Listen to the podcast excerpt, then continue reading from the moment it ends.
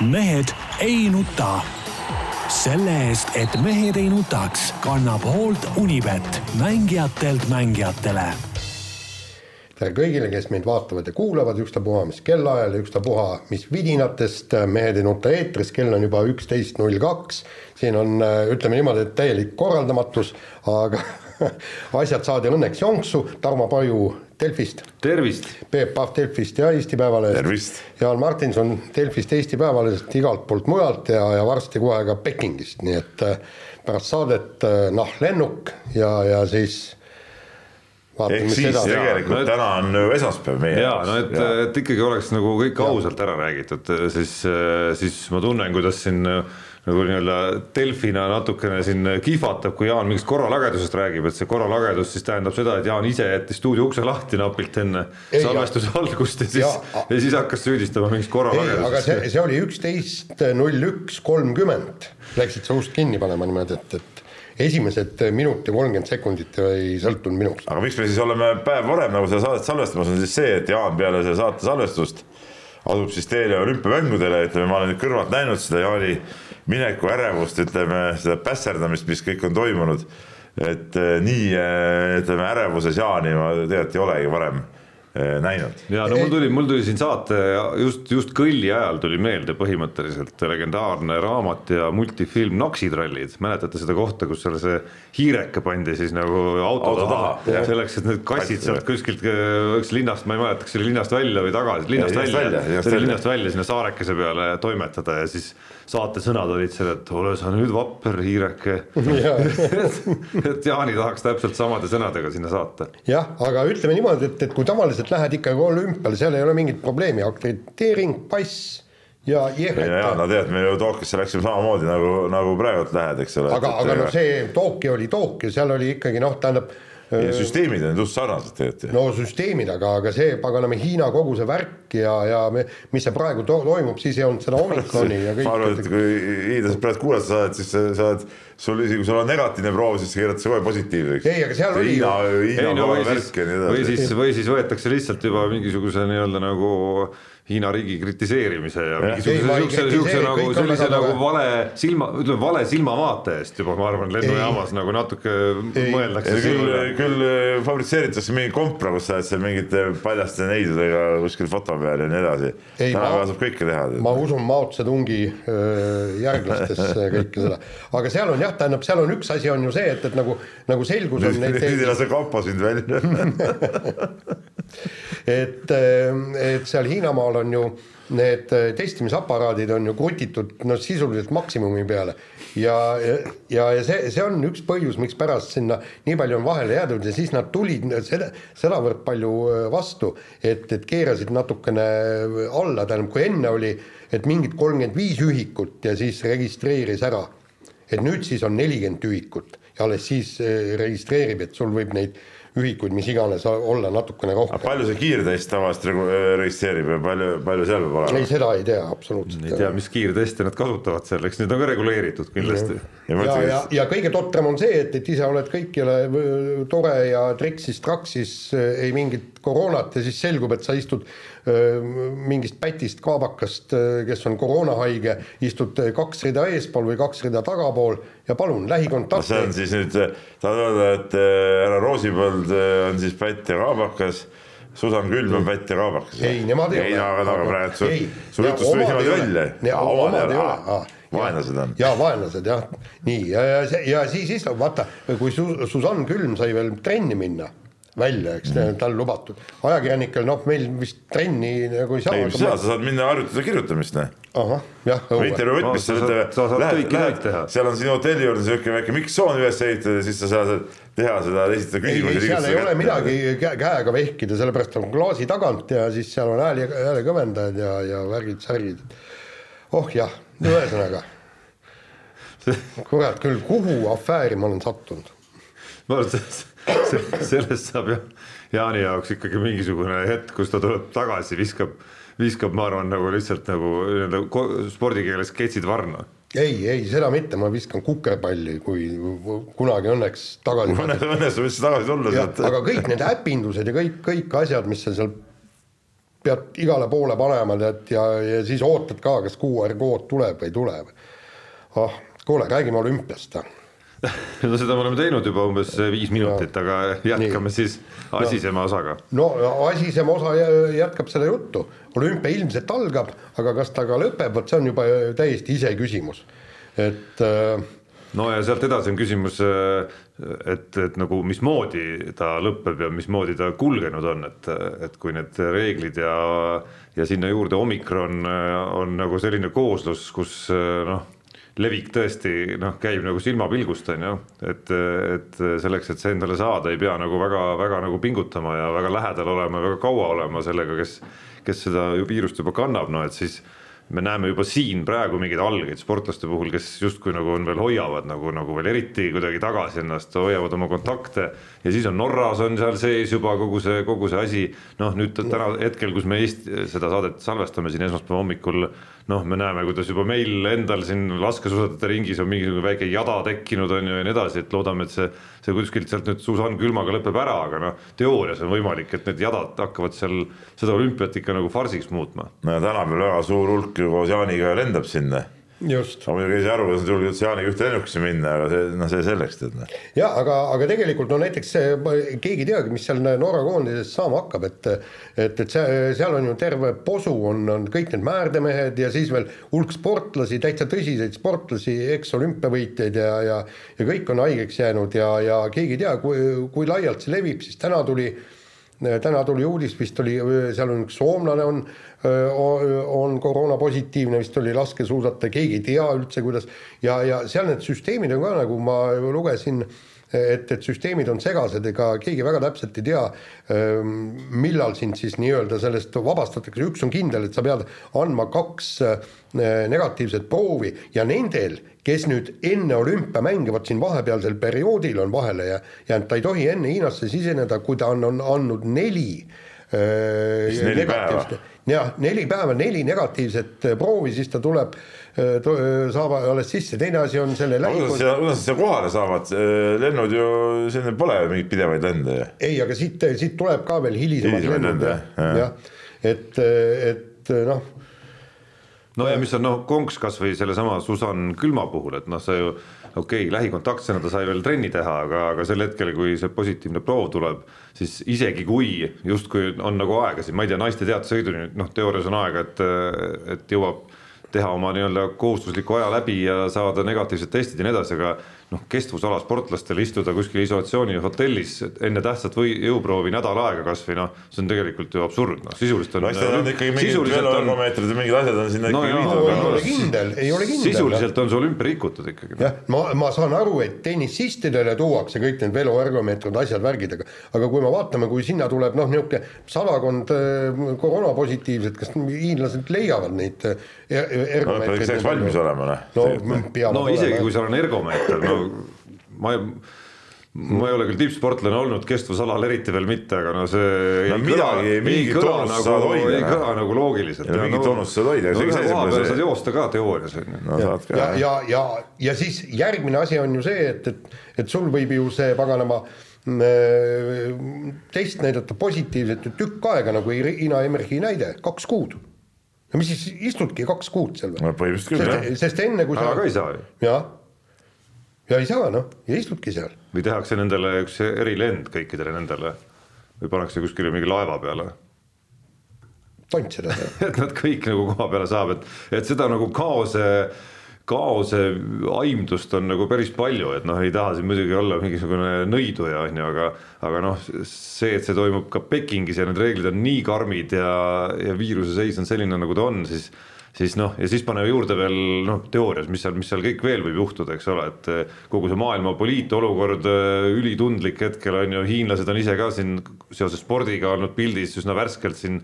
Shuai Peng ja kõik need teemad on ju, et, et kui seal noh, üks, mida no, räägitakse, no üks, mida räägitakse päris palju veel maailma meedias ikkagi noh, USA poole peal eriti on ikkagi see, et et äh, olümpia ja mis iganes potentsiaalsed nagu poliitikasse sekkumised seal, mis iganes mõne sportlase poolt seal mingisugune arvamusavaldus kuskil, mis hiinlastele ei pruugi meeldida ja kõik, mis sealt tulla võib, et et isegi vist mingid inimõiguste organisatsioonid on hoiatanud sportlasi, et muidu, muidu nad ikka utsitavad inimesi nagu nii-öelda nagu sõnavabadust nii-öelda kasutama, on ju, aga et äh, olge seal Hiinas nüüd äh, mõelge natukene, kui te midagi ütlete, et seal, seal see võimalus, et keegi sellise mingisuguse avalduse peale kuskil poodiumil või pressikonverentsil või intervjuus toimetatakse no ma ei tea, kas plate peale, aga no vähemalt riigist välja ja mingi selline tsirkus saab ka veel tulema seal, no ma ei välistaks üldse sellist. no aga see on väga õige, see on väga õige, sest et olümpia ei ole see koht, kus sa hakkad tegema mingeid, mingeid oma meelsusavaldusi ja mingeid asju, siukest tulekski olümpiakülast välja visata, kes hakkavad seal mingit siukest tsirkust tegema, sest et olümpia nagu püha üritus ja püha paik, olümpiaküla, olümpiaareenid, seal sellise jamaga ei tegeleta no,, poliitika lihtsalt..., poliitika jagu poliitika võiks muul ajal, aga olümpia ajal sellega tegeleda, olümpia peab olema puhas sport ja puhas võistlus küll, aga ma leian, et äh, see, et äh, siin juba osa sportlased, noh, võtame, Norra suusatajad juba kipuvad eemale jääma ja nii edasi, et see natuke kogu see olümpiat evalveerib.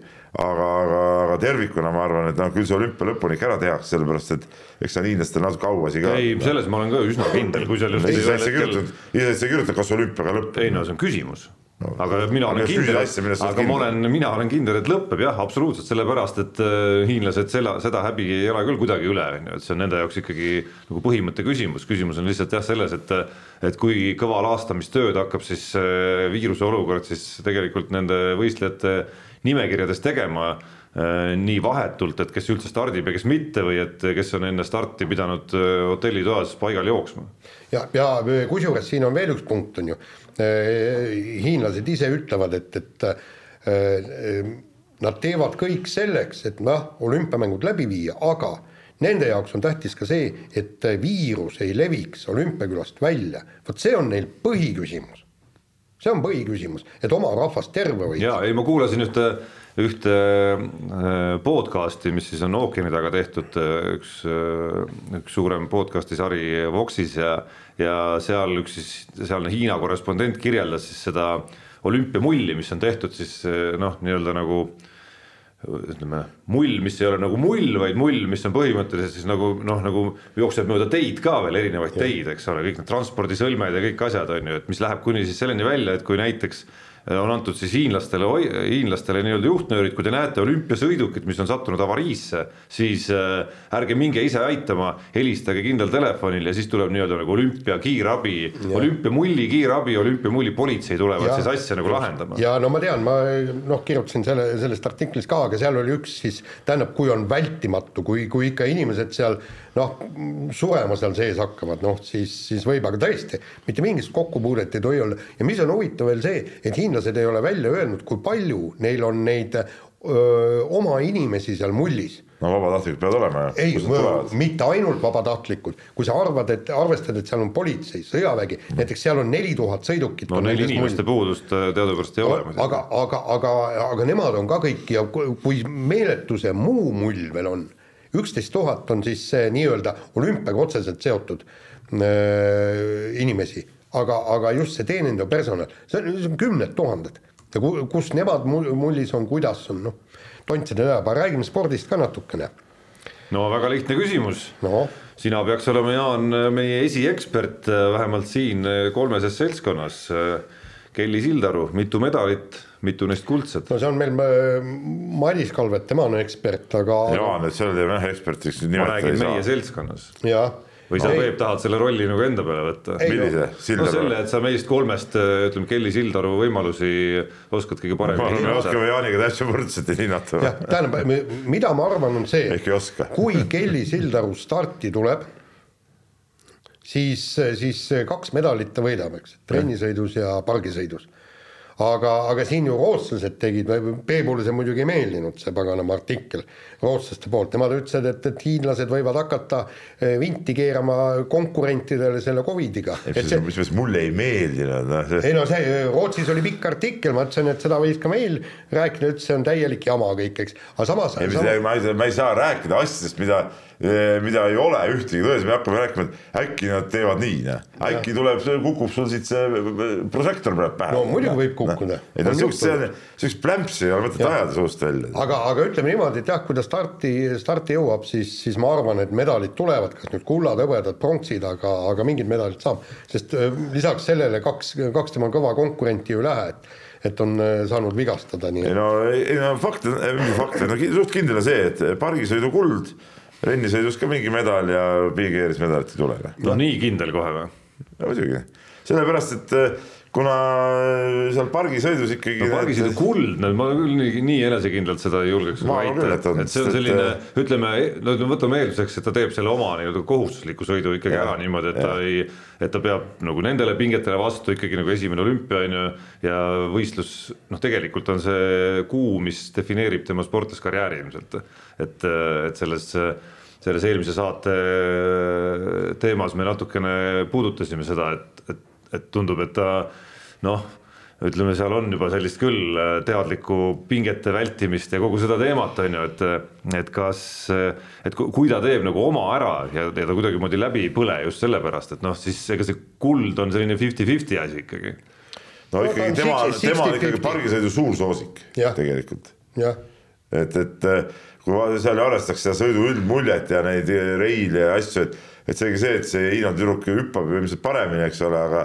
aga võib-olla see üldmulje, see sõidu noh, ei ole nagu selline noh, et seepärast ma arvan, et ta seal on parem. rennis ma arvan, et see hiinlanna võib, võib, võib parem olla, noh, no hiinlanna on Sest- nii, niivõrd-kuivõrd jah hiinlanna,, sest seal reile ei ole ju, seal reile ei ole jah. võiks seal sinna ka reilid panna. ja hüpetes ma ei näe nagu varianti, sest et tema hüpped võib-olla nii head ikkagi ei ole. nii, aga edasi, Kristjan Ilves, Martin Liiv, kas no just äh, siin olümpiale mõeldes, millal me viimati nägime mingisugust sellist nagu tõelist üllatusmedalit Eesti, Eesti sportlastelt olümpial? ma olen sellest isegi kunagi kirjutanud ja, ja, ja väga ei ole, ta on, ta, ta on ikka aegu-aegu tagasi. ei no olümpial meil polegi üllatusmedaleid olnud ju, ja, ja no sisuliselt ei olegi jah. mis asi on üllatusmedal Eestis, Eestis et no, et, et vau, eks. no, no näiteks kui oleks. no Kupper, kui oleks seal Rios saanud, see oleks olnud üllatusmedal, eks ole. Aga- aga, aga ja kunagi siin sõudmise mingi paat oli neljas, kes, kes võib-olla ikka väike üllatus oli seal. jah, aga, aga aga medalid, medalid nagu, nagu ei ole tulnud, aga. noh, tõsi, kui me nüüd Kristjan Ilvese puhul vaatame, et ta ülemöödunud nädalavahetusel kaks korda oli poodiumil teisel kohal, pluss MK-sarjas ma nüüd peast ei ütle, kas eh, on ta nüüd kuues äkki praegu. ikka kuues jah. tema et olümpiaedast siis, ikkagi väike et siis üllatus ta. oleks väike üllatus, aga noh, seda nagu mingiks tohutuks kahevõistlusmaailma Ai- nagu pauguks ei saa ka nimetada, kui sa oled ikkagi- tal ei ole kuues. tiitlivõistlusest ühtegi medalit siiamaani. aga muide, noh, nüüd tal läks see viimane Seefeldis see kolmepäevane tuur läks, läks äh, suhteliselt nässu. No seitsmes Aga- oli, suhteliselt nässu, oli seitsmes. just, ja vot, vot seda ma just mõtlesin, kui me eelmine aasta, isegi eelmine aasta oleks seal, seal tuuril olnud, et viies, üheteistkümnes, seitsmes kohad, me oleks öelnud, et vahi, kus vend paneb, eks. aga nüüd ütleme, näed, tuur läks nässu, noh, tal oli seal laagrist tuli, jalad krampis, ütles mootor töötab hästi ja kõik nii, et et, et see näitab ju tegelikult, et eh, millisele tasemele Kristjan Ilves on tõ- jõudnud, see ei tähenda, et ta on maailma tipptase, aga ta on seal, seal kohe niisugune nillimas neid äh, poodiumikohti. absoluutselt. Ja no väga palju hakkab sõltuma, no esiteks, mis on kõva boonus, on see, et tõesti ta on hästi hakanud hüppama, viimasel ajal ikkagi nagu väga stabiilselt hüppab ta hästi. jaa, aga küsimus on selles jälle, et kuidas mingi mägi sobib ja kuidas see Pekingi mägi võiks talle sobida, seda pole õrna no seda me hetkel vist ei tea, on ju, aga aga noh, okei okay,, selle laupäevase sõidu pealt ja nende sõitude pealt kuulates tema juttu sellest, kuidas seal krambid olid ja jalad ei olnud kõige paremas korras, on ju, noh, ei saa võib-olla liiga suuri järeldusi teha, aga seesama laupäevane sõit äh, oli nagu mõnes mõttes nagu hea näide nagu vastukaaluks äh, siis ja, ja tegelikult ka see reedene sõit olid nagu head näited vastukaaluks sellele nädalavahetusele, kus ta siis poodiumile jõudis, on ju. kus siis ühel nädalavahetusel sattus ta nagu pärast hüppeid ühe kõva sõidumehega kokku, kes aitas siis nagu suurt tempot teha ja hoolitseda selle eest, et tagant ei jõuta järele, noh, tema eeldus oli see, et ta suudab seal püsida, on ju. Ja nüüd antud juhul oli siis teine olukord see, et sa oled seal, palju ta oli, nelikümmend sekundit või Jah. midagi oli, 40 eks ole, ees on ju ja siis tuleb terve see sõidumeeste rong sulle sealt noh tagant, isegi hea vormi korral ma ei usu, et ta oleks suutnud, isegi kui jalad oleks korras olnud, ma ei ole kindel, et no ma olen suht kindel, et ta ei oleks suutnud ikkagi seda rongi nagu ära hoida seal.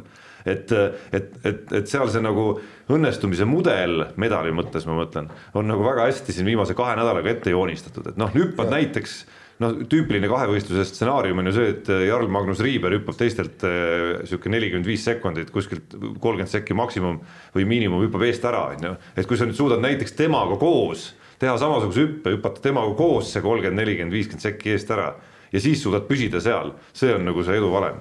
aga muide, reedel oli ka jällegi hu- huvitav oli see, et nad sõitsid ju kaksteist pool kilomeetrit ja kui, kui sa vaatad, et noh, ta, tal läks küll raskeks, seal ju viiene grupp läks eest ära, on ju, ja siis kahe mehega jäid maha ja, ja siis tal läks küllaltki raskeks, aga ta suutis kuni viimase ringini ehk siis kümme kilomeetrit ikkagi tagant seda kampa ära hoida. Ja lõpus oli ka, see kamp tuli ju küll peale, aga, aga, aga tal oli ikkagi jõudu säilinud eelnevast piisavalt palju, et ta hoidis oma seitsmenda koha ära. Ja kui sa vaatad sõiduaega, kahekümne teine sõiduaeg ei ole paha sugugi. jah, olukorras, kus nii-öelda kehv nädalavahetus oli veel. just. aga tal nagu ütleme, see päev oligi sõit kõige parem võib-olla, see järgmised päevad olid nagu ei, raskemad. ei, see oli viimane päev. No viimane- viimane, jah, jah. jah, no Martin Liivi kohta on küll raske ausalt öeldes üldse midagi no öelda. arvestades, et No ei tea, palju oli siin väikene nagu vigastuse jah. efekt seal sees, et, et, et natuke teadmatust. jah, ja, ja, ja pa-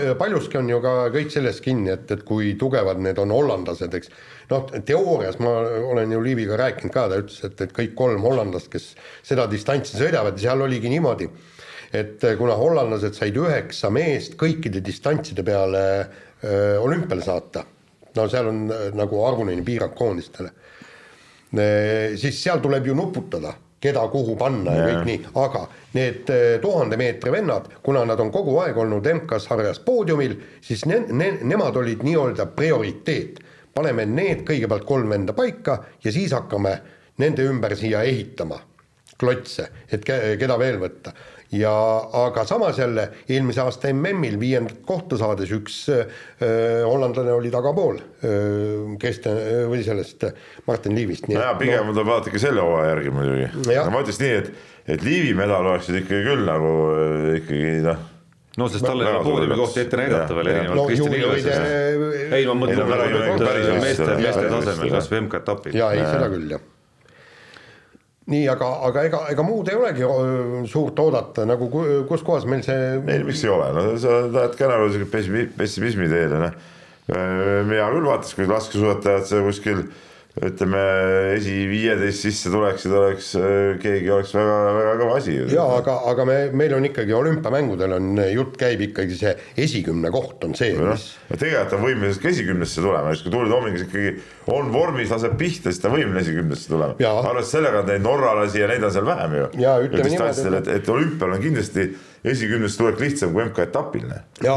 tõsi, ma tahaks loota, et Tuuli Toomingas ise on vähe enesekindlam ja ambitsioonikam, kui see intervjuu, mis ta teele minnes andis, et et kuidas see ei ole veel üldse minu olümpia ja ma lähen tutvuma ja noh, kõik selline jutt, et et mis siin ikka No see on paras udu mis siin ikka tutvuda, et võib-olla see oli lihtsalt selleks, et nagu nii-öelda nagu noh, endale lihtsamaks teha ja mitte seal lootus üles kruttida ja, ja siis siis nagu pü- püsida võimalikult pingevaba, aga noh, päriselt sisimas ma loodan, et ta on oluliselt ambitsioonikam ja, ja ma usun ka jah, jah. jah, aga, aga, aga nagu ma ütlen, et, et noh, ülejäänud lihtsalt lähed vaatad, no iluuisutajad on noh, noh, nende siht on ikkagi see, et, et pääseda esitama öö, vaba kava. Ja meeste seas, kas meeste seas äh, vähe veel ambitsioonikam ei võiks olla või? no me ei tea ju, mida öö, Selevko on, on teinud, ta ei ole ju võistelnud. miks sa oled meeste seas ambitsioonikam peaks olema kui, kui no sa ise maalisid mulle siin kõva pildi, kuidas see Levko on ikkagi nagu oluliselt kõvem mees kui Levand ja ei no selles suhtes no, punktisummat ongi kõvem ju.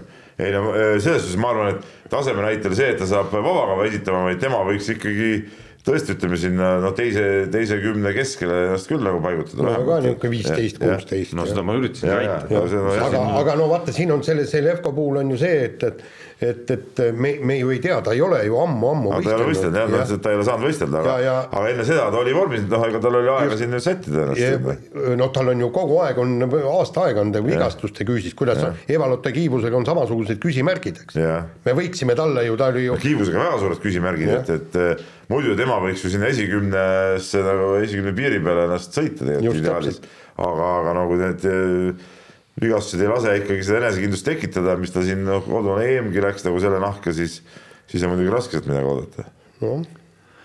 no nii, saadame siis selliste sõnumitega Jaani Pekingisse, Pekingisse teele juba umbes tunni aja pärast, aga nüüd vahetame teemat, olümpiast jõuame siin rääkida olümpia jooksul nii meie saates, kust iganes me Jaani sealt kätte saame, igal pärastlõunal vist on korrektne Pärastlõunal, öelda, hakkab, hakkab Delfis ilmuma ka eelmisest olümpiast, suveolümpiast tuttav olümpiastuudio, kus siis nii meie ajakirjanikud, usun, et ka Jaan, leitakse üles kusagilt sealt äh, Hiina avarustest kui ka erinevad külalised on siis, on siis analüüsimas. võib-olla, võib-olla õnnestub mõni, mõne saatejuhti isegi Tarmole pähe määrida, ma siin vaatan, hakkan täna seda graafikut kokku panema. no ootan pakkumisi. aga vahetame teemat. palju ka muud sporti väärib menetlemist, alustades vehklemisest. ma panin siiski korraks tähelepanu, et juhul kui te Tarmot ei kuule seal stuudio eetris, tähendab seda, et mees on põhjendamatult oma hinna üles ajanud. Taset ju ei ole tegelikult. noh, no see on hea lähtekoht läbirääkimisteks Peep muidugi. aga läheme vehklemise juurde, nädalavahetusel MK-etapp ja esinelikus kolm Eesti naist. Katrina Lehis, MK-etapi võitja, noh, ei ole võib-olla veel nii suur üllatus, aga, aga see, et äh, finaali vastane Nelli Tihvert on, on päris märgiline sündmus ja paneb kindlasti küsima, et kas, kas Tihvert on nüüd küps hakkama seal vett sagama seal kogu Eesti kuldses naiskonnas. no Tihverti üle on tegelikult väga hea meel, et, et ta on ju pikka aega ütleme olnud nagu seal koondise piiri peal ikka noh, tegelikult pole sinna kunagi õieti nagu mahtunud. no nüüd eh, nii kõval võistlusel teine koht, noh kindlasti on sihuke väike palgapäev juba tema jaoks ka, et ta on seda ära kannatanud selle, selle ootuse ja, ja tööd edasi teinud ja, ja, ja ja võib-olla see tase tõesti nüüd nagu tõusebki, et, et ega ta ju ütleme, kui nad omavahel Eestis vehklevad, ega ta ei ole kehvem kui, kui teised, tema põhimõtteliselt tema hädad on tulnud välja just nagu nendel rahvusvahelistel võistlustel, aga aga nüüd ta suutis sealt ka ennast läbi närida, et, et ma arvan, see on väga-väga hea märk tegelikult. ja ütleme niimoodi, et, et ta on ju tu- tulnud Eesti meistriks ja, ja, ja, ja tegelikult ta ju, ta on selles pundis koos ja, ja, ja ma vaatasin neid eh, tema vehklemist, noh, ütleme niimoodi, et äh, ei saa öelda, et, et ei tunne teda ära, aga, aga niisugust enesekindlust ja värki ja särki kõik oli, oli tal äh, märgatavalt rohkem, kui tal varem on olnud, eks, ja, ja ta teadis, kuidas vehelda ja, ja kõikles nagu ludinal, aga räägime seda, et, et Kirpu, Erika Kirp oli kolmas ja vanameister Irina Emrich jõudis ka kaheksa sekka ja kaotas seal Kirpule, elu näinud, jah. Ütleme niimoodi. ütleme kaheksa hulgas oli, olid eh, neli meie naist siis, eks ole, see on nagu on muidugi päris eh, ka sihuke huvitav saavutus, et see No natuke see üks nagu see üks EM oli, kus me saime ju, ju kolmikvõidu, kolmikvõidu, no jah. nagu siin ka jah, aga aga, aga noh, ütleme niimoodi, et, et kõik, kõik parimad, noh nagu Hiinat vist ei olnud seal ja, ja kõik parimad ei olnud kohal, aga aga see, see, see selleks, seal olid noh, seal on tegelikult eh, toimub ka põlvkondade vahetus. No need persoon ikka, ikka niisugused raputused tulevad, et, et selles suhtes see praegu tuleb ära kasutada neid, neid võimalusi. aga noh, lugedes siin kasvõi, kasvõi neid võistlusjärgseid intervjuusid, siis siis Nelli Tihvertile ja, ja tema tiimile on muidugi nagu mõtlemiskohta ka natukene, et siin räägiti siis sellest, et ta ei ole pingetega varem toime tulnud rahvusvahelistel võistlustel eelkõige, kuidas nüüd need võistluseelsed sekeldused seal kuidagi viisid nagu fookuse mujale ja jube lihtne oli minna starti, et äh, kogu viimane kakskümmend neli tundi oli läinud hoopis mingite koroonatestide ja, ja edukasti mis, maha, mis, jah. mis jamade peale, eks ole, et noh, siis, siis järelikult on üsna hästi nagu praegu ette ka näidatud, et, et mida sul tegelikult vaja on, et rahvusvahelist edu saada. ehk siis eh, Ehk oma, oma eh, vaimu ja, ja mõtlemisega. ei no pigem, pigem ikkagi sa pead nagu oma mõtlemises suutma nagu mi- midagi ikkagi nagu muutma, muuta, on ju, et, et, et selle poolega tuleb tööd teha ja kogu lugu jah, nii lihtne see ongi no lihtne see tavaliselt ei ole muidugi, aga siis, kui need, kes selle kuidagi mingisuguse kliki ära teevad ja, ja oma nii-öelda mõtetega hakkavad paremini toime tulema, siis tundub jah, et jube lihtne on see. nii, aga lähme edasi ja lähme Australian Openi tenniseturniiri juurde ja noh, läks nii nagu, nii nagu me arvasime, võib niimoodi ütelda, et Kaia Kanepi teekond jälle lõppes veerandfinaalis, et oli, olid võimalused tegelikult ju edasi ka minna, aga, aga ikkagi mingi hetk tuli see sein jälle ette. no ütleme niimoodi, et miks nii, Jaan? no mi, miks, miks? see, sellepärast, et Kaia Kanepi on noh, ütleme ta ei jõudnud seda mängu enam mängida, see oli meeletu palavus, kolm setti ja, ja lõpus lihtsalt. see väga pikk mäng ka, naiste jaoks väga pikk mäng. lõpus lihtsalt, ega seal, seal ei olnud midagi teha, et, et vastane oli lihtsalt, lihtsalt üle ja seal noh. kuigi ei mänginud ka mingit imemängu tegelikult. ei, tegelikult ei mänginud, aga, aga aga, aga ikkagi noh, Kaia Kanepil nagu väga neid võimalusi ei olnud, kuigi see seis, seis vaatad, et noh, et teine sett oli ki-, kiires lõppmängus, aga selle ta ju kaotas kaks-seitse täiesti kindlalt, on ju, eks. et ja, ja samas, mis ma mõtlen, et noh no Kanepi oli küllaltki tühi ka juba kõikidest nendest mängudest ja kõik, et eh, noh, ta mängis nii täpselt nii hästi, kui ta mängida sel hetkel suutis. Ja sellest paraku ei piisanud, aga, aga jõuda jällegi kaheksa sekka ja teenida korralik kopsa, kopsakas raha rahasumma ja pluss veel hunnik edetabeli punkte, tõusta saja viieteistkümnendalt kohalt, mis ta oli kuuekümne kolmandaks, eks. noh, ehk siis garanteerida sisuliselt endale aastaks jälle nagu põhiturniiri, põhitabeli koht kõikidel Suure Slami turniiridel. no kas kõikidel, aga aga no aga ikkagi no, nagu ülikõva nagu nii-öelda vundamenditükk selleks, et seal püsida. jaa, ei, see, see oli ikkagi noh, ehe rõõm ja, ja muidugi noh, selle pealt jälle vaatad, et, et näed, et Anett Kontaveidist on kahju, et tegelikult oleks tema pidanud ka seal kaheksa sees olema. no aga Kontaveidil kuidagi ikka need suurturniirid ei õnnestunud, kui ma vaatan praegu nende enda võrdlustki, eks ole. Kanepi veerandfinaalis seitse korda ja Kontaveit üks kord ainult. jaa, täpselt. et noh. okei no siin, siin peaks võib-olla täpsema võrdluse tegema, et et kui kaugel või, või mitu neid pääsmeid oli siis Kaia Kanepi kahekümne kuue aastaseks. no sa tahad nobedate näppudega või me räägime hästi. ei, ei, no ma vaatasin järele Kontaveidi vanuse kiirelt nobedate näppudega, see on kakskümmend kuus on ju. nii, sa saad vaadata, kui sa lööd sisse Kanepi Vikipeedia.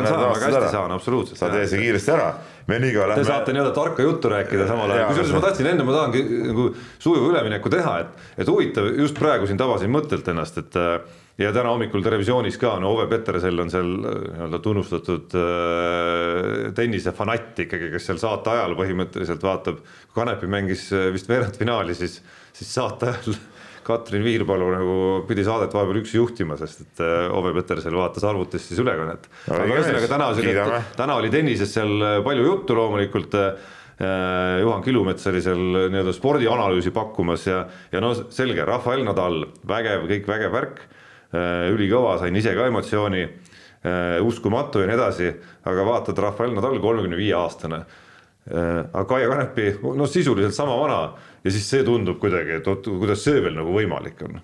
No kaks näidet, mis näitavad, et ei olegi midagi no, nii, Federer veel vanemana võitis ju neid äh, slam'i turniire, et, et, et selles suhtes ei ole äh, ei ole küsimust, aga jah, nüüd kui meeste finaali juurde tulla muidugi, siis see, mis kuus tundi kaua teile see madistasid no,. peaaegu kuus tundi. et, et see oli ikkagi päris, ka päris kõva, kõva paugutamine ja, ja ütleme, mäng oli, oli uhke ja seal oli pärast mängu, ma saan aru, seal kaotaja poole pealt oli solvumist ka, et keegi tema poolt ei olnud. no kuule, kui, kui mängib sul Nadal, kes on legend ja kes võib siis saada oma kahekümne esimese suure slam'i võidu ja kes on ääretult sümpaatne tüüp ka veel ja, ja kõik, eks no,. ja, ja minule Nadal ei tundu nii sümpaatne, mina tahtsin Federeri. no ma olen ka Federeri partei mees olnud kogu ei, aeg, aga ei. selles mängus muidugi midagi ei ole teha, noh, see oli ikka sihuke äge lugu, et, et ta võidaks selle ära. sa oled igal juhul selle suure ja. kolmiku, ükstapuha millise liikme, isegi Djokovic'i, kuigi ta on tont, eks, aga ikkagi oled tema poolt ja,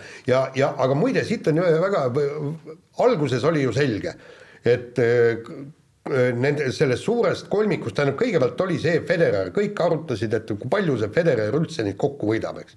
siis tuli Nadal, aga noh, ikkagi Federer jäi number üheks, siis tuli Djokovic ja siis, kui, kui te vaatate neid artikleid, igal pool on kumb, kumb tuleb Eh, Federer või, või Djokovic, kumb siis võidab rohkem suure slam'i turniire. Nadalist eriti ei räägitud, sest tema on noh, liivaväljakute vend ja kõik nii, aga nüüd palun võtke välja. Vennal on kakskümmend üks tiitlit, tal on need käes ja teistel mõlemal on kakskümmend, palun. proovige, proovige nüüd see kahekümne esimene, proovige nüüd minu tasem, tasemele jõuda ja, ja kui see nii jääbki, nüüd tuleb ju see Prantsuse lahtised. kui ta võtab sealt kahekümne teise ka ära ja siis ongi mis seal ta on selgelt suur soosik, jah. natuke, natuke võib-olla nagu okei okay,, Novak Djokovicil on kogu see vaktsineerimisteema ja, ja nii edasi, nii edasi, et noh, räägime eeldusel, et ta, et ei teki rohkem tal neid takistusi või osalemisel on ju, et noh, see, see on loomulikult nagu eeldus on ju, kuigi noh, mulle tundub pigem vaadates, kuhu maailm nüüd nagu suundub ja eriti veel eeldusel, et siin mingit uut ja ohtlikumat tüve enam välja ei ilmu, noh siis vast saab selle see, selle eluga nagu nii edasi minna, et äh, on kohal nii, nii, nii Nadal, Federer kui, kui Djokovic, kui nad kõik on terved. et noh, mõeldes, kui värskelt Djokovic tundus, et teeb ära ikkagi nagu selle päris, päris suure slam'i on ju, no siis mm -hmm siis nagu kuidagi raske on uskuda, et ta nagu krõksti äkitselt äh, sinna kahekümnele nagu peale ei viska enam. ja aga, aga seda ei tea ju, seda ei tea ja, ja, ja öö, Nadalil on see olemas eks teised peavad, äh, Djokovic peab alles seda järgmist müüdma ja te, tegelikult vaata, kui absurdne olukord tekib see, et, et kui Nadal võidab kahekümne teise ja, ja tõesti noh, Djokovic jääb kahekümne või kahekümne ühe peale, siis sellest suurest kolmikust kõige kõvem mees on hoopis Nadal no, see, see, see, see, millest tegelikult ei ole mitte kordagi räägitud, et Nadal no, võiks see olla. see kordagi pigem, Jaan, ma ütleks ka, on nagu viimase poole aasta või viimase aasta teema, mitte nagu, mitte kui sa lähed nüüd paar-kolm aastat äh, varasemasse aega või sinna, noh siis küll Nadal sellelt, sellelt vestlusest nagu väljas ei olnud. no ta, ta ikka oli, sellepärast et ta oli ikkagi, oli seal maas minu meelest Federerist ja, ja ja noh, ikkagi väga, ikkagi räägiti, et, et Djokovic, tema on ju just sellepärast, et tema on noorem et tema saab. muidugi tema, no see ongi, tal ongi praegu kõige suuremad võimalused, nad said seda Kalepi eh, tiitlit või tähendab veerandfinaalide arvu teada. ja no loomulikult eh, ehk siis kahekümne kuuendaks eluaastaks kolm korda oli no, Kaia Kanepi jõudnud veerandfinaali, kolm-üks on see seis. jälle mul oli õigus ja see on, see on kindel võit praegu jah. aga Kontavendil on võimalik ütleme järgmiste aastate lõikes need asjad kõik üle teha muidugi. Ja loodetavasti ei jää see võistlus siiski veerandfinaali kohtade et, et me lugesime siin, kuidas Djokovicid ja Nadalid äh, loevad suure slami tiitleid, siis loodetavasti ei jää see eestlannade võistluseks, et äh, kes rohkem veerandfinaali. no aga praegu paraku, paraku see on selleks jäänud nii, mehed, rääkige korvpallist, korvpalli oli siin eile, käisite kõike vaatamas ja, ja rääkige Kaspar Kuusmaast, et äh, ja ma olin siia kirjas, mis korvpalligurmaanide põnev nädal, et see ei, no, päris, päris... eelmine nädal oli ainult üks põnev asi, mida siin kirjas ei ole, oli loomulikult äh, Keila ja Kadrina, Kadrina esiliiga kohtumine. absoluutselt. no selle ma arvestasin siin neid teemasid kokku pannes, et, et sellest ei tule nagu me küll kaotasime, aga mäng oli sihuke, ütleme tummine, et mäng oli tummine. Ja oli palju rahvast, ma, eh, ma tean, et eh, järgmine päev mängisid näiteks Tallinna Kalev ja Rakvere Tarvas. Ja ütleme, kui mul oli seal või meil oli seal kuskil noh, sada, sada viiskümmend oli protokollis, ma arvan, võib-olla isegi natuke rohkem seda rahvast lõpuks no,. seda pärast juurde, siis, siis seal oli vist kas kuuskümmend inimest või eks see on, see on, vot see näitabki ära, mis, kus nagu põnevus tegelikult on aga..., millises liigas. ma olen siin Andres Sõbra parteis, et, et seal esiliigas asjad ongi põnevamad. aga sinu suust ikkagi muidugi on ootamatu kuulda sellist, sellist nagu et ikka kui, kui tublid me olime mängu järel, kus, kus te ikkagi nagu kaotasite. mäng oli tubli, aga kaotasime. oled kuulnud Sarunas ja Stkevitšuse intervjuud, et mis positiivne, mis asja, mida te räägite? me vaatame detaile, olid vigastused, olid meil meeskond on nõrgestanud ja, ja midagi ei teha, ei muidugi see kaotus ajaski mind närvi, aga ma ütlen, et, et sündmusena ja, ja, ja mäng ise oli tegelikult ju, oli ju punn punnis ja oli nagu põnev, et selles suhtes oli nagu tore, et ma siin nagu selles nädalas rohkem nagu nii põnevaid mänge nagu ei, ei, ei näinud tegelikult, sa nägid või? ei no kas, oota ma mõtlen, ei nägin küll, ma ise kommenteerisin näiteks ühte mängu Euroliigas, kus kaht lisaaega oli võimalik näha. no ja ei tea, teine kommenteerisime koos mängu, mis oli ka. ei olnud ka üldse vähe põnev. kuni viimase veerandajani oli, oli väga. ja, aga jah, et selles mõttes on seiklusrikas nädal olnud nagu Kossu fännide jaoks, et äh, seesama Kalev Cramo eilne mäng, needsamad koosseisu muudatused, koroonad, mis on edasi-tagasi käinud, et, äh, et jah, see noh, grande finaale jäi siis tulemata ikkagi, et see, see, kui äh, noh konkreetselt viimasel veerandajal võeti siis see nagu lusikas suust ära see, see oli ikka päris karm ja, ja oleks ausalt öeldes kolmkümmend minutit ei viidanud, et see, et see peaks nagu nii krõksti nagu ära käima, et, et oleks lootnud, et, et, et vähemalt lõpuni suudetakse punnida kuidagi. aga jah, neid muid, muid asju ka, mida jälgida palju, et Sander Raieste tagasi Euroliigas väljakul. väga, väga positiivne sündmus ikkagi pikalt-pikalt, ikka väga pikalt olnud vigastatud äh, ookeani taga noh, iga hommik peaaegu põhjustan äh, korraks ESPN-i, ESPN-i äpp lahti teha ja siis korraks äh, Gerg Riisale mõeldes Twitterisse ka korra minna ja vaadata, mis, mis seal siis nagu toimunud, mis siis nagu toimunud on, et et Gerg Riisa ikka väga karmi mõõna elas üle seal ja, ja no ütleme, kui sa ühel, ühel pool oled siis selline noh, kuidas ma ütlen, no sita peaks nimetati siin, eks ole, heas mõttes äh, Arizona, ma ei teagi, kes see seal oli, fänn või ajakirjanik, ajakirjanik ikka on ju. ja selline nagu noh, tohutu show peal ka ikkagi väljas seal ja siis samal ajal asjad ei lähe noh siis.... aga ma mõtlesin selle peale, oota, ma korraks ka vahele et vot see oli, kas see oli esimene mäng, mida siin Eestis otse näidati? ei, tegelikult ei olnud, minu arust oli see teine mäng. aa, vot mul, mul siis, see oli see esimene niimoodi jäi mul kuidagi kahe silma vahele. seda mängu ma vaatasin ise ka hommikuvara, äh, vaatasin seda mängu, mõtlesin, et äkki, et kas ise äkki teadis seda ja, ja võib-olla sellest võis tulla natuke see, et need visked ei, ei läinud ja sihuke üldse mäng ei olnud, too mäng nagunii hea, et, et mingi kramp tuli sisse, et iseenesest see on täitsa võimalik. Noh. aga kui see ei olnud esimene, sa ütled, siis muidugi see võib-olla päris nii ei ole. aga mis, mis seal kergriisa varjus ju tegelikult käib, on Mattias Tassi no ikkagi nagu väga vinge, väga vinge viimane hooaeg öö, oma ülikoolis, et et see viimane mäng, ma ei tea, kas sattus neid tipphetkegi vaatama seal, selline pooleteistminutine no, klipp oli kokku pandud, kus ta seal ühe Valgevene poisiga maid jagas. Viimasest viiest mängust neli kaksikduublit, hooaja näitajad väga korralikus ülikoolis ikkagi sellised noh, sutsu paremad isegi, mis Kotsaril tema viimasel hooajal, et et noh, sealt, sealt nagu väga selge suund paistab, ma arvan, väga korralikuks lepingu pakkumiseks praegu, kui, kui ta ülikooli lõpetab ja siia Euroopa turule tuleb. no nii on ja siis on siis räägitud Kaspar Kuusmaa Eestisse naasmisest, aga ma, mina esialgu sellest suurt numbrit nagu ei teeks tegelikult, et et vaatame, kuidas see asi seal kujunema hakkab ja kas ta sinna Pärnusse jääb või, või ei jää või mis need tal edasised plaanid on. no ma tahaks väga kuulda natuke rohkem selle tagamaid, et isa Aivar on kuidagi kidakeelne olnud siin rääkima rääkimast, et mis seal, mis seal nagu täpsemalt nagu toimus ja juhtus. nii, et nad tegid selle pressiteate ära, et ta tuli ja kõik, et nad rohkem seda praeguse seisuga ei kommenteeri, noh et. et kui kõik Itaalias no. väga hästi oleks olnud, siis justkui nagu ei oleks põhjust no, olnud seda. tõenäosus ütleb, et päris, päris tühja koha pealt see otsus võib-olla ei tulnud ikkagi, aga, aga noh, teate ju pärast seda koond, noortekoondise pausi vist nagu tagasi läinudki enam, et, et oli siin, mängis ju, ju paar mängu isegi siin kohalikus äh, nii-öelda rahvaliiga tasemel, et äh, kaasa ja, ja rahvaliiga vist isegi madalamal tasemel. et, et, et ta siin on olnud ja isa, isa juures on treeninud ja nüüd ta nüüd ta Pärnusse läks, aga, aga Rapla vastu ta veel ei, ei osalenud. ta vist täna peaks mäng, liituma. Pärnu treeningutega, kui ma õigesti tean, et et noh, me siin toimetuses ka natuke Peep, kas just vaidlesime, aga, aga nagu meil olid ootused üsna erinevad, et et mina kaheksateistkümne aastaselt Eesti noortekoondise liidrilt no ootaks ikka väga selgelt seda, et ta meie meistriliiga tasemel suudaks noh, kas just liider olla Pärnus, aga ikkagi nagu väga selgelt endale nagu ütleme, sellised vähemalt viisteist minutit mängus nagu kätte võidelda no ja ütleme, nüüd sa ütled viisteist minutit mängus kätte võidelda ja see, mis sa toome seal väljendasid, on, on natuke ütleme erinevad, erinevad äh, rollid, aga ütleme sihuke noh, kümme minutit. okei okay,, ma võin äh, kruttida juurde natuke, siin Markus Posti minuteid süüa, ütleme siis niimoodi.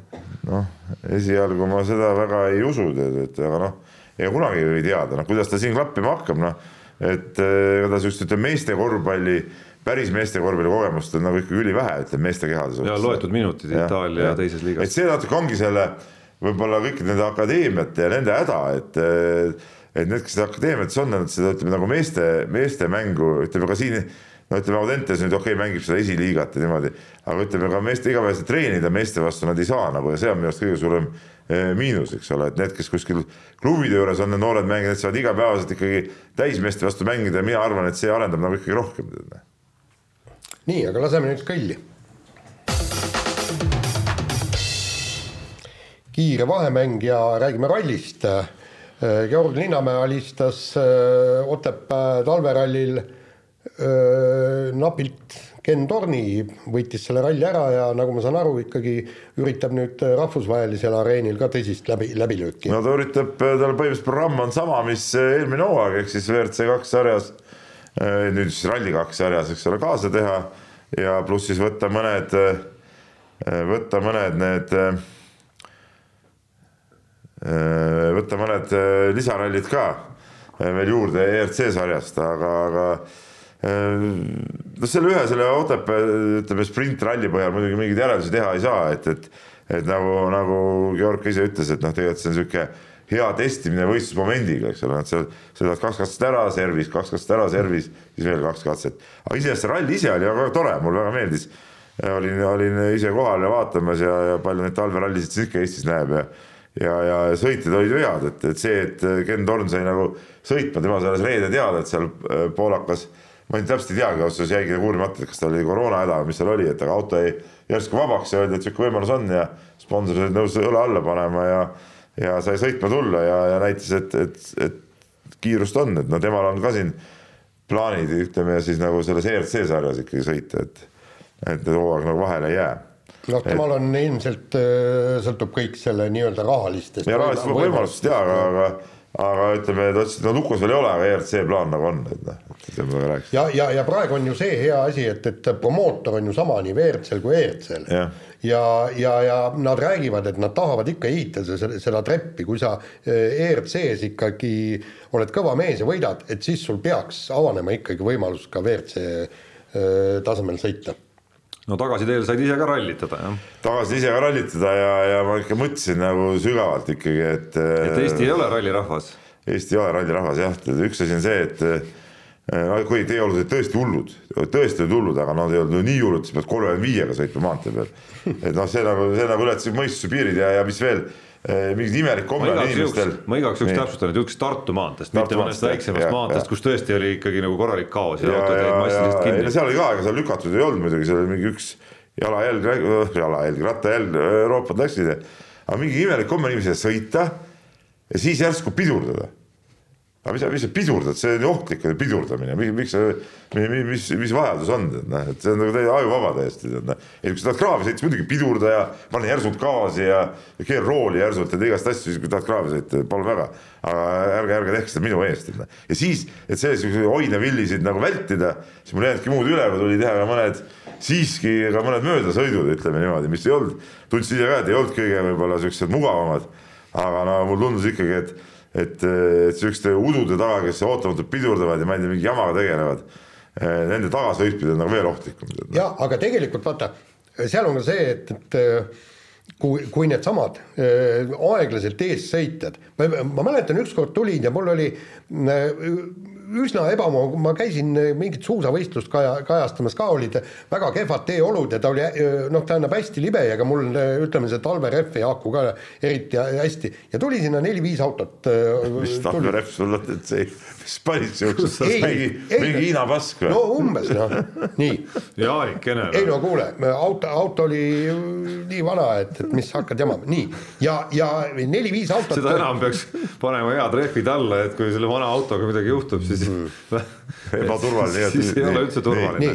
ja, ja neli-viis autot mm, jõudis sappa ja siis seal oli ju see bussipeatus rahulikult ma võtsin hoo maha, keerasin, lasin nad mööda. no mõistlik, ei no paaris üks venda ma nägin ka tegelikult, et kes tõesti lasidki mööda mm -hmm., ilmselt ei pea nagu närvid vastu tead noh ei, mitte närvid vastu, aga. ei no selles suhtes, kui seal inimesed nagu taga olid, tead noh, et. Aga... ei no ma, ma olen sümpaatne. ma muidugi tegin sõidu ajal ka videosid, ma mõtlesin, et saadan Delfile, aga siis ma hakkasin mõtlema, et Tarmo on see kuulus see roolis ei loe ja, ja muude asjadega ei tegele mees. siis ma mõtlesin, siis ma mõtlesin, ma neid ikkagi ei saada, sest et see on aru saada, et roolis tehtud, väga halb.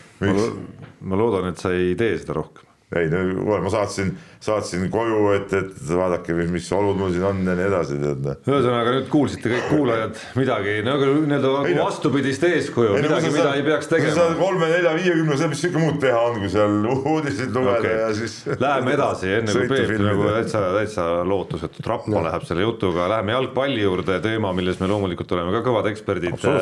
ja FC Flora veel üks väga oluline lahkuja meeskonnast kahe hooaja vahel, veel üks äh, Eesti koondise mees, kes läheb sellisesse ütleme tummisesse Kesk-Euroopa liigasse, mitte tippliigasse, aga, aga meie jaoks kindlasti tummisesse ehk et Ungari klubisse Uipest FC, ma loodan, et hääldus oli, oli õige ja mis on huvitav selle äh, ülemineku ja nende, nende lahkumiste juures FC Florast on see, et FC Flora eestvedajad ikkagi on nagu väga veenvalt äh, ütlemas seda, et nad ei näe vajadust äh, noh, kasvõi mingeid legionäre siia sinna asemele tuua, vaid jäävad truuks ikkagi sellele skeemile, kus nad äh, üritavad siis nagu kodumaalt leida nii-öelda uusi Sappinene ja uusi Kuuski, kes siis nagu kas juba eeloleval hooajal või, või järgmisel hooajal veavad samamoodi Flora jälle kasvõi nendesse kõrgustesse, mis, mis nad on olnud siin viimased paar minu, hooaega. minu meelest on see ääretult sümpaatne poliitika, kui sa oled võtnud nagu mingisuguse endale, endale selle noh, nagu põhimõtte ja sa järgid seda ja sa ja, ja proovid sealt ikkagi kuidagi ennast, ennast läbi suruda, kuigi, kuigi ma mõtlen, kunagi ammu oli ju see, et nad võtsid ju noori, noori mängijaid, isegi neil olid, ma mäletan, noored norralased, soomlased, kes, kes tõid sinna. Ja, ja, ja, ja seal oli ju hea, lõpuks nad müüsid need vennad ju maha ja teenisid ka väikest raha. vot, vot see, et mitte sa ei too mingit kahekümne kaheksa aastast mingit suvalist sassi, aga va- toodki võib-olla kas, kas Soomest või, või, või, või kuskilt mõned noored talendid Norrast, Rootsist mine, miks mitte ka kuskilt Gruusiast, Beglarashvili ju. no noh, vot, noh, näiteks no, ja, ja siis, siis, siis kasvatad neid samamoodi, nagu sa kasvatad oma mängijaid. jah noh, Kossust paralleeli tuues, mis on, mis oli jupp aega tegelikult Kalev Cramo häda ju oli see, et ma arvan, et ka kodumaistel mängijatel ei olnud seda nagu head šablooni ees, kuidas tuled Kalev Cramosse, tõstad siin oma taset ja lähed siit edasi, ma ei tea, noh, ma ei tea, Saksamaa liigasse kasvõi on ju, või, või, või Venemaa poole, kuhu läksid, küll läksid mehed, aga need olid tavaliselt meeskonna liidrid, legionärid. Kalev Cramo on teinud ju kõik selleks, et ükski noor eh, sinna süsteemi ei tahaks nagu et, et tulla. Flora, noh, Flora pealt me näeme ikkagi seda skeemi, kus, kus äh, olgu nad Märten Kuused või Sapinenid, kus, kus nad ikkagi sisuliselt on sul, kui sa lähed noore mehega juttu rääkima, siis on sul nagu kandikule anda nagu põhimõtteliselt iga aasta on sul olnud anda mingisugused nimed, kes kelle pealt näidata, näed, kui sa oled ise tubli, tuled meile, meilt saad võimaluse, tingimused ja siit liigud edasi. ja, ja kõik tahavad ju Florasse tulla. ja no ei no Kalev Cramol ka nüüd on see pilt nagu paremaks läinud, me näeme, no Ja, Janari milles?, no Janari Jõesaar kasvõi. ei, see küll, aga kuhu need noored seal tulevad? näed sa mõnda noort Kalevis või? Ei, ma räägin nagu Eesti mängijast kui, kui ei, et küll, no ei ole ka olnud aga vaata nagu neil ei ole seda süsteemi, selles on häda. ei, sellega Floral on kõik süsteemi olemas. sellega võrreldavat muidugi mitte. mitte, neil mitte millegagi võrreldavat süsteemi, see ongi kõige suurem miinus sellel klubil, noh, ta on ka projektiklubi nagu Väike-Kalev. noh. nii, aga lähme edasi ja äh, projektiklubi ei ole kindlasti FC Levadia, sest selle meeskonnaga sii- liitus siis meie omaaegse jalgpallilegendi Marko Kristali nelja-aastane poeg äh, neliteist siiski, igaks juhuks. ma ütlesin neljateist sa ütlesid aastane, neli. ei neljateistaastane, neli nelja ole aastane. ära hakka ajama. Kuulame üle pärast. kuula üle. Kuulame üle. kuula üle, noh. Nonii, ei, kena, vaata, vaata, kui sümpaatne on, kui on need äh, korvpallurite pojad tulevad ja teevad ilma ja, ja äh, noh, proovivad oma isasid üle mängida. No loodetavasti hakkab jalgpallis ka kõik seesama toimuma ja, ja ootame väga, et, et, et no siin jalgpalli podcast ides juba tükk aega ikkagi käib selline Patrick Kristali nii-öelda üle juba vaikselt nagu, et noh, millal siis tuleb, et see, et sellel poisil on ju silma peal hoitud juba, juba aega, mõnda aega, hoolimata sellest, et me räägime siin äh, hetkel neljateistkümnesest ja enne veel varem. neliteist, ikkagi neliteist, no see on ikkagi väga, väga noor alles. no jaa, aga kui mängib hästi, siis miks mitte, noh. Ma vaatan, et seal põhiseadus mängima hakkab ja on. ei, ei no muidugi neljateist aastat mitte, aga mine sa tea, kuueteistkümneselt debüüte teha, miks mitte. see on teine asi. aga noh, taaskord. kõik on see, kuidas ta füüsiliselt nagu areneb. aga noh, taaskord eelmise teemaga sidudes, noh, positiivne on just see, et, et, et noh, käib nagu töö selle nimel ka klubidel, et, et, et, et saada need poisid, ma, ma täpselt peast ei mäleta, kas, kas seal sõlmiti juba mingisugune leping või mis täpse, täpne kokkulepe seal nüüd on. no see niisuguses vanuses saad vanematega lepingu sõlmida, mitte poisiga endaga. Et- et mis need seal on, on ju, aga see näitab nagu... mõnes kohas käib, aga mõnes kohas ei toimu mitte midagi, noh, selles ongi see vahe. nii, aga võtame järgmise teema ja räägime Andrus Veerpalust, kes naases äh, pärast äh, karistuse kandmist äh, ähm, suusarajale ja sai suusahullude öömaratonil kolmanda koha. huvitav, et öömaraton, et ei tahtnud. Päevavalges julges näidata. jah, et siis läheb öösel ja, ja kui päeval, siis sõidab maskiga võib-olla või paneb selle äh, ei no ma ütlen, mis on ka tänapäeval ju täitsa noh, tavaline, keegi ei imesta. kuule, see on ka jälle mingi tänapäeva mood. vanasti, kui mina veel sõitsin, polnud keegi näinud, et siukseid asju, sõideti tugevasti tutimütsiga ja, ja tipp-topp oli. ükskord oli nii, et hästi külm, läksin Tartu maratoni starti, ilmus külm ilm, siis mul naine heegeldas kindlasti kiiresti eelmisel õhtul siis viljasele mütsiga siuksed väiksed kõrvaklapid nagu külge, et kõrvad ära külmuks. kas sinu arust ka puhv on nõrkadele jah? puhv on nõrkadele muidugi, puhv on ikka väga nõrkadele, selge. nalja teed. peale sa ei lase hingata ümber kõri. tuleb suurem puhv osta oma ei, ei, jämeda kaela asi, asi ei ole selles, vaid noh, kõri on lahti, no sa näed, kus ma käin praegu ka ja mul ei ole siin midagi ju tead noh. et see on nagu noh, mõnus peab olema. aga aga nagu asjast rääkides, ma oleks arvanud, et kui ta juba välja tuleb, siis äh, sellisel võistlusel ei saa keegi talle vastu. kuule, mees käib kuuendat kümmet juba ju mis siis? Ei no kuidas, kui sa ikka mõni noorem mees ka on, kes, kes nagu on rohkem trenni teinud ja füüsiliselt ikka jaksab rohkem. ja et nii kehv see Eesti suusatamine ka nüüd ei ole. aga, aga no ma ütlen nii, et, et selge see, noh, õigus on minna võistlema, sul on karistus kantud, kõik on õige, aga natuke nagu selline häbitu tegevus ka ikkagi, no, no ma ei tea, noh, no ei ole okei, tead noh. no tähendab, ütleme niimoodi, et, et ise nagu väga ei läheks, eriti selles, kui sa, kui sa ei ole, noh, kui sa oled tõesti no nagu, nagu siin võib-olla ta- Tammjärv ja Kärp, et kes on kõik ausalt ära rääkinud no, ja, ja, ja seda, et nad on ausalt ära Ei, ei, no vähemalt me midagi. ei saa nagu Ei. kinnitada, ja aga ei, aga nad, nad on vähemalt midagigi No ära jah, rääkinud, eks. ja, ja aga, aga sa ei ole nagu midagi kõik täie, täielikult nagu nii-öelda nagu pannud nagu seda sammust tuima, eks ole siis ja noh, ei no ise küll väga ei kipuks sinna. aga noh, nii on. aga kiire vahemängu lõpetuseks natukene ma ei teagi, on see nüüd, tahtsin öelda, et lõbusama poole pealt, aga, aga teisest Natuke lõbus ka. natuke lõbus, aga, aga teisest küljest võib-olla mitte nii, et äh, mängijate nappus, eriti siin koroonaperioodil ja selle omikroni laine harjal, noh, mitte ainult me ei räägi siin mängijate nappusest, vaid küll poes ei ole müüjaid, lasteaias kasvatajaid, haiglatest üldse ei räägi. Aga sporti puudutab ka valusalt ja Selveri võrkpallimeeskond pidi siis äh, tegema sellise lükke, kus peatreener Andres Toobal ise pidi ka väljakule minema, mis muidugi viib mõtte sinna, et, et oled ka valmis ikkagi igaks juhuks kogu aeg. no vaja, siit peab minema. eile tead, me sellest Toomale võimalikust mängimisest rääkisime, ma ei tea, Oleme kas siin. No ta ise välistas selle lihtsalt mõnda aega tagasi. Toimetuses vist jaa, oli, aga mis see on siis noh, jumal, noor mees alles. andku tõsta ette, absoluutselt, vanem vend, ta mängib siiamaani ju. Gert ju, noh, milles asi on siis, mis nimest seda on? ei absoluutselt mitte midagi. kolmkümmend kolm vanust. jumal küll sidemängijana kümme, kümme aastat peaks mängima. peakski olema, ega seal võrkpallis ju treeneril pole seal midagi eriti, eriti tehagi, sa saad sealt, saad sealt muidu see Gretu näitas siin pintsaku hõlma all neid märke, no sa saad seal platsi peal ka näidata seda tagumiku peal samamoodi. see võrkpall on ju, põmm, võtad vastu, tõstad, lööd maha, mis see on siis noh. seal ei ole midagi keerulist ju.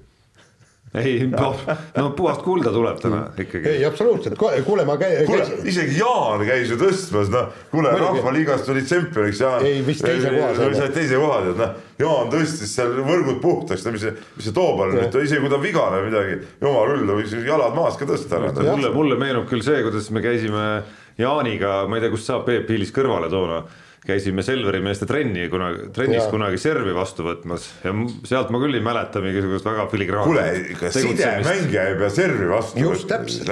ega see ei ole nagu, sina muidugi, sa oled siuke primitiivne vend, sa mängid seda võrkpalli niimoodi, et, et kuus meest, siis käite ringi ratast need kohad läbi, eks ole. et kes parajasti keskel on, see tõstab, eks ole, kes tagaliinis on, see võtab vastu, päris mänge käid, On niimoodi, jah, pole siiamaani aru saanud, et see on nagu, nagu teistmoodi natuke see asi.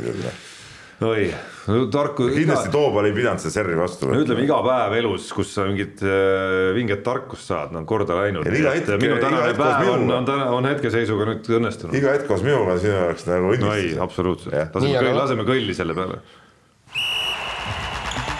Unibetis saab tasuta vaadata aastas enam kui viiekümne tuhande mängu otseülekannet. seda isegi mobiilis ja tahvelarvutis.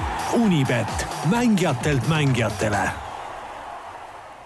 nii, aga nüüd tempot jah, et, et ma pean varsti hakkama Hiina poole marssima. no nii, no tempo osas saame rääkida, siis ma teen, ma teen nagu kiire kokkuvõtte ise ära. minu vastas istuvad kaks udu, ütleme niimoodi, ei, miks muidu noh. istuvad seal oma, oma nii-öelda algsumma peal endiselt äh, ja vähemalt. Jaanil- Jaanil pole sedagi, no,. Jaan ei ole suutnud veel jah, ennast kokku võtta, aga no vähemalt ei saa, ei saa nad nüüd praalida, et nad juhivad seda võistlust, sest et äh, olen oma saldo tõstnud äh, korvpallimängudega kolmesaja kolmeteistkümne euro ja viiekümne nelja sendini, nii et ja Ott Tänaku ja noh, Peebu, Peepu uskudes on muidugi hooaja lõpus veel nagu ma peaks kirjutama justkui nagu Ott Tänaku, mis ta on siis nelikümmend seitse, viiskümmend peaks kirjutama ka siia nagu virtuaalselt juba juurde. no selles suhtes ära kirjutada jah. võin ära kirjutada, no siis, siis on ikka korralik algedu käes juba. ja no, noh ega õige, see on see tantsi, mis sa tantsid, aga see mees tuleb ikka nurgast. seda sa oled väga, selles võistluses oled sa seda muidugi jutumärkides suurepäraselt no. Äh, kõikidel aastatel suutnud näidata. lase sul praegu need Fox Rotid ära teha. kuule, ma ei, ma, ei tea, mul ei ole küll probleeme olnud sulle ära teha. ma räägin äh, sinust, me ei räägigi praegu, Jaanil on. aga Jaan ongi. sa nagu parseladki Jaani, eks ole. ta on mu agent. selge no okei okay,, no õppetund on järelikult see, et tuleb edumaa pikemaks kasvatada, muud midagi, enne kui see paganama NFL-i hooaeg ühel hetkel lahti läheb no see, see on nagu saatanast, kas see ära ei, kinni ei panda ükskord? ei panda.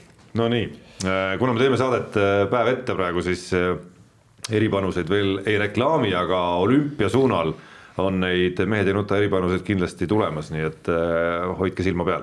Peep, kirjad. nii, kirjad ja teadlane Priidik on meile esitanud sisuliselt kaks küsimust. ja üks küsimus selline, et milline Eesti rekord on tiitlivõistluste taset arvestades kõige piinlikum kas sellel spordialal on märgata mingit lootuskiirt? noh, ja seegi see, et mingitel aladel noh, ala mingi tõstmine ja need, kus me oleme mõnedel, mõnes kaalukategoorias me oleme valgusaasta kaugusel või mõnel, mõnel kergejõustikualal, kus kus ma arvan, et maailma paremad naised teevad ka paremini kui meie praegused, no okei okay,, see ei muutu rekordeid, aga mehed, et, et noh no ütleme, siin on, äh, võtame kasvõi ujumise ja just need teatud distantsid, üks oli vist tuhat viissada, kui ma mäletan, et kui äh, kui oli vist Gregor Tšerk või tema vist purustas selle rekordi, siis äh, öeldi, et no, et näed, et vot kõva ja tubli rekord. ja siis ma hakkasin uurima ja siis see rekord tähendas seda, et olümpiamängude B-normist oli üks minut puudu. nii et Eh, noh, ütleme, et see eh, maailma tasemel see ei ole mitte mingisugune tulemus. see on suplus, eks ole. ja see on suplus, aga, aga samas see, seesama tsirk, eks oma, oma põhialadel, see on väga head rekordid. ja no okei okay,, siin mingitest aladest, mis, mida meil kõrgtasemel ei harrastatagi, ma ei kujuta ette, kuidas seal mingitel treki, jalgratturid trekisõidu mingitel aladel. ei no okei okay,, no seal jah, seda meil nagu polegi jah, et, et, et, et seal, seal ei pea nagu piinlik olema, sest et seal nagu ei olegi veel nagu midagi, et noh et aga üldiselt, üldiselt mingid rekordid on meil ikkagi enam-vähem ju enamus alad, võtame sama see kergejõustik näiteks, siis meil tegelikult ju enamus rekordid on ikkagi suht normaalsel tasemel või noh, niivõrd-kuivõrd noh. aga, aga, aga väga paljud on ammu-ammu püstitatud. paljud on väga ammu püstitatud jah, selles ongi see asi, noh. et seda niimoodi nagu raske ütelda. aga. no kas aga... kiiruisutamises, kui Äh, kui nüüd äh, Alusalu ja Liivi alad välja arvata, et noh, mis pilt seal avaneb. Noh. nojah no, no kümmet, kümmet tuhandet. ma arvan, et keegi pole usutanud kunagi see kümmet tuhandet. ei, ei no kindlasti, kindlasti on, aga ja, jah, aga. Adavere. aga see ei ole ju päris. see ei ole päris rekord. ei, ei, ei, nad on, nad on ka, meil oli üks vend, kes, kes siin uisutas, aga no. ma küll ei mäleta seda ausalt öeldes. aga kui sa ütled, et nii oli, siis nii on. no ju ta oli ju ta oli. aga noh, sellistel aladel on selge, et see muutus saab sündida siis, kui jälle üks noh, näiteks uisutamise puhul Martin Liivi-sugune noh, tüüp hüppab välja lihtsalt on ju ja, ja, ja, ja sõidab need asjad ümber ja kogu lugu. et süsteemselt mingisugust hüpet seal ei hakkagi tulema kunagi. nii, aga Priidikul on ka teine tähelepanek, kirjutab nii, et eh, muideks nüüd peab teatavasti iga rohkem kui viiekümne töötajaga ettevõte määrama ühe töötaja niinimetatud vilepuhujaks. palun rääkige, kes mehed ja nota töökas kollektiivist on määratud raporteerima organitesse saate valmimise käigus toimuvatest piiridele astumistest ja kas põhimõte ei tähendab ei, kehtib ikka ka härra Martinsoni ja reisimise puhul. ausalt, ma ei tea, kas sihuke reegel. ma ei ole ka kuulnud jah. aga no kui, kui niimoodi on, siis ütleme nii, et, et kitsede maailma me ei, ei, ei, ei poolda, eks ole. Aga... sõna vilepuhuja nagu on, on kas koputajad või kitsed, mina tean niimoodi nimetatakse neid kaebupunne, pealekaebajaid ja muid värdjaid, tead näe ja, ja, ja teine asi, et, et meie kollektiivi on kolmeliikmeline, nii et me ei pea seda me ei pea jah, äh, jah. vilepuhujat äh, aga, aga Delfis. aga sa, sa nagu, kas ma saan õigesti aru, et äh, sa tegelikult kõik, kes on nagu ütleme, sinu ajakirjandusliku karjääri jooksul sulle rääkinud mingisugust info, oota, oota, rääkinud, rääkinud valeks. mingisugust sellist infot, no mida nad tegelikult nagu ametist tulenevalt võib-olla ei oleks tohtinud nagu rääkida, et sellest, kuidas Ei. keegi on mingit jama teinud kuskil äh, ma ei tea, võtnud dopingut või äh, hangeldanud mingisuguse, teinud mingit jama, et äh, kõik need on äh, noh, sinu sõnu kasutades siis värdjad jah ei vaata, sa praegu jälle keerasid asja nagu oma kasuks. Ei, mis mõttes? Ma küsin lihtsa küsimuse, seleta. koputaja on see, et näiteks, no ma ei tea, ma sõidan tee peal saja kolmekümnega ja siis sina põristad oma üheksakümnendase mööda, siis sa valid, ma ei tea, mis see politseinumber on, null null kaks või, valid sinna, eks ole. Ja see auto eh, kihutas minust mööda, võtke kinni, tead, mul on siukest asja juhtunud, tead näe. täitsa ajuvaba ju tead näe ei nagu noh, okei nagu või, aga, või, või kuule teine asi, teine asi näiteks. toimetuses seal noh, teeme siukse mõnusa seksistliku nalja, mida ikka mehed tegelikult teevad ja mis ongi tead jumala okei, tead noh. näiteks tuleb ilus blondiin, teeb seal, eks ole, vilistad seal, noh, mingi, teed mingit silma seal noh, siis ütleme, teed mingisuguse veel äh, vihje seal ja siis umbes äh, keegi kaebab selle peale kuhugi võrdõiguslik volinikule. ja kus see piir siis nagu jookseb, et äh, oletame, et sa Aga selle, selle räägib- nalja asemel hoopis Ei. ma ei tea, hangeldad toimetuses hoopis näiteks narkootikumidega No no,, see on seal salaäri see on ju teine asi. See- kus see piir jookseb see sul ei ole koputamine. Kus see- kus see- piir jookseb sealt, mis on nagu ühiskonnale ütleme nagu kahjulik. aga, aga, aga mis on sihuke, sihuke normaalne elu, noh siis seal neid nimetatakse nagu kitsadeks.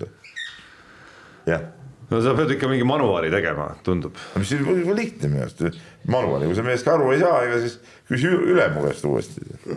nii, aga siin Tamm no Tamm meie on- saatest äh, ega peale sinu ei saagi usaldada kellelegi siis sellist rolli, et noh, sa Ja, ja. ainus nii-öelda nagu kõiketeadja ikkagi, ainus, kes teab nagu täpselt, kuidas asjad on, kust jookseb piir ka selle Ja., selle vahel nagu mida üles anda meie siin saate nagu taustal ja mitte, noh siin siin peale muidugi- sinu keegi lihtsalt siin- ei hooma siin seda. tekib muidugi see moment ka, et, et sinu puhul, et ütleme siukse nagu nii, nii igav inimene, et sinu puhul polegi midagi üles anda. sa ju kunagi seadust ei riku, noh, selles suhtes igav inimene, noh. oled rikkunud vahest või? No sa ju näed, ma mobiilis ei kasuta autoroolis, eks ole, no okei okay,, kiirust sa vahest võib-olla ületad. mis sa veel, mis, mis rikkumisi sa veel võiksid teha, noh vihjeid ei tee. jah, ütleme eh, jah, seksistlikke nalju ei pillu onju, tead noh no,, mida mul sinust on. no Jaani kohta leiaks nii mõndagi muidugi, on jah, Jaani kohta leiaks nii mõndagi. sest no, noh, isegi ka seda tontlikkust tuleks vihjata, nii, aga eh, Tamm Tamm kirjutab meile, võtame kiiresti Jaan juba kiveleb ära ja ta kirjutab siin olümpiateemadel ja, ja et olümpia kohe saabumas ja meie koondis on ka juba Covid positiivse testi saanud kui ka lähikontaktseid ja ta küsib, küsib sellise küsimuse, et kas ma saan õigesti aru, et kui sportlane on lähikontaktne, siis sportlane isolatsiooni ei pea jääma kuni enda positiivse testini, et näiteks kui treener annab võistluspäeva hommikul positiivse testi, siis temaga kokku puutunud negatiivse testi andnud sportlane ei pea võistlusest eemale jääma. ei, võistlusest ei pea jah võistlust. ei pea jah, et Aga ta saab seda treenida ka nii nagu Susan Külm nagu treenis nagu teistest eraldi, kuniks ta ise siis jäi ka ja aga seal on see, et, et ta transporditakse võistluspaika hoopis äh, spetsiaalautoga, siis ta ta ei tohi üldises sööklas süüa, kõik seal on, temal on teatud piirangud. on mõnusam tuleks no ma ei, ma ei kujuta ette jah, kuidas see nagu praktikas siis, kas ta nagu aga seal teistega koos, oletame, Laskesuusa staadion Tiirus, seal käib ju tohutu on- möll trenni ajal, kas see on kas lähikontaktsetele on siis nagu oma mingi tiiruaeg või mis, mis ei no nagu ja see niimoodi, et äh, ei, võistluse ajal või? ei no ei, ma mõtlen trenni ajal. trennis tema käibki eraldi trennis ju. ma sain aru niimoodi. kas ma mõtlen kõikidele lähikontaktsetele on siis nagu Jah. eraldi laskesuusa staadion nagu eraldi ajal siis või? no räägid, no seal nagu nad segavad päev läbi selle trenni onju. et seal on väikse vahega tehtud või on siis võib-olla ma arvan, seal trenni ajal näiteks no see, kui suusatavad seal raja peal midagi ei juhtu, eks ole, aga seal lasketiirus võib-olla seal näiteks rajad eh, üks kuni kakskümmend on tavainimestele, siis on võib-olla seal paar rada tühjad ja kakskümmend viis kuni kolmkümmend on siis lähikontaktsetele näiteks. jah, kindlasti on mingid oranži värviga veel midagi Jah. seal äh, tehtud, et oleks nagu sildistatud korralikult ka. jah, hoia eemale. no ma tulen vanasti, need pidaritõbised käisid ringi, need kellukesed kõlisesid küljes, eks ole. no siis need samamoodi, et kõik peavad eemale hoidma. nii, no see, see näide, mis sa tõid muidugi ei, see on põhimõtteliselt traagiline siiski. ei, see on traagiline küll. et naljakat selles ei olnud midagi. no. mis heaks naerma, ei tahtnud ma lihtsalt sind naeran, see on nagu ulme, mis sealt suust, tuleb. ma tõin lihtsalt näite, kuidas nad seal eristatakse, no jumal küll. ma arvan, et pärast see tutimüts mingi kelluke, et kui tagant tuleb, vaata näiteks suusatab onju, küll, küll käib teised lähevad, tõmbavad niimoodi selle, teil hõlmasid ei ole, no tõmbavad siis varruka lihtsalt näo ette onju, siis see küll seda mööda ja siis. Jaan, lõpeta see saade ära, enne kui enne kui. saade on selle, sellega lõppenud. mis, mis edasi toimub minuga vähemalt seda ma ei tea, hakkan Hiina poole öö, sõitma, kas ma satun hotelli, kas ma satan koroona hotelli. üldiselt ma andsin, ma võin ütelda, ma andsin siiski meie delegatsioonile ehk siis Madisele ja Jaanile, fotograaf Kiur, andsin korralduse ikkagi eh, anda üks positiivne test, et saaksime ka nii-öelda eh, reportaaži siis eh, karantiini hotelli sisemusest, et nii, et no peab, peate midagi välja võluma selle ühe positiivse testi ka kamba peal. olümpia viimasel. ei, ma, noh näiteks jah. nii, kuulge. see on jama, see on jama, et me siis seda välja ma teeme. arvan, et ikka kohe minnes, minnes, minnes peab see tuleb ära teha, sest me tahame kohe seda lugu saada, noh. ei no siis, siis sa oled lihtsalt nagu kaotanud ühe mehe nagu Miks? oma sellelt äh, kajastumise liinilt. ah, mis teeb sealt koha pealt, noh, helistab. jah, ja Jaan nagunii poole, ma võin ütelda saladust kätte, Jaan nii vana mees, ta ei viitsi nagu terveid päevi nagunii teha, nagunii ta läheb lõunast läheb äh, pikutama, aga kuna kõik võistlused ongi peale lõunat, siis ta nagu võistlustel ei käigi tegelikult. nii, aga sellega saade läbi ja kuulake meid järgmine kord. mehed ei nuta. saate tõi sinuni Unibet, mängijatelt mängijatele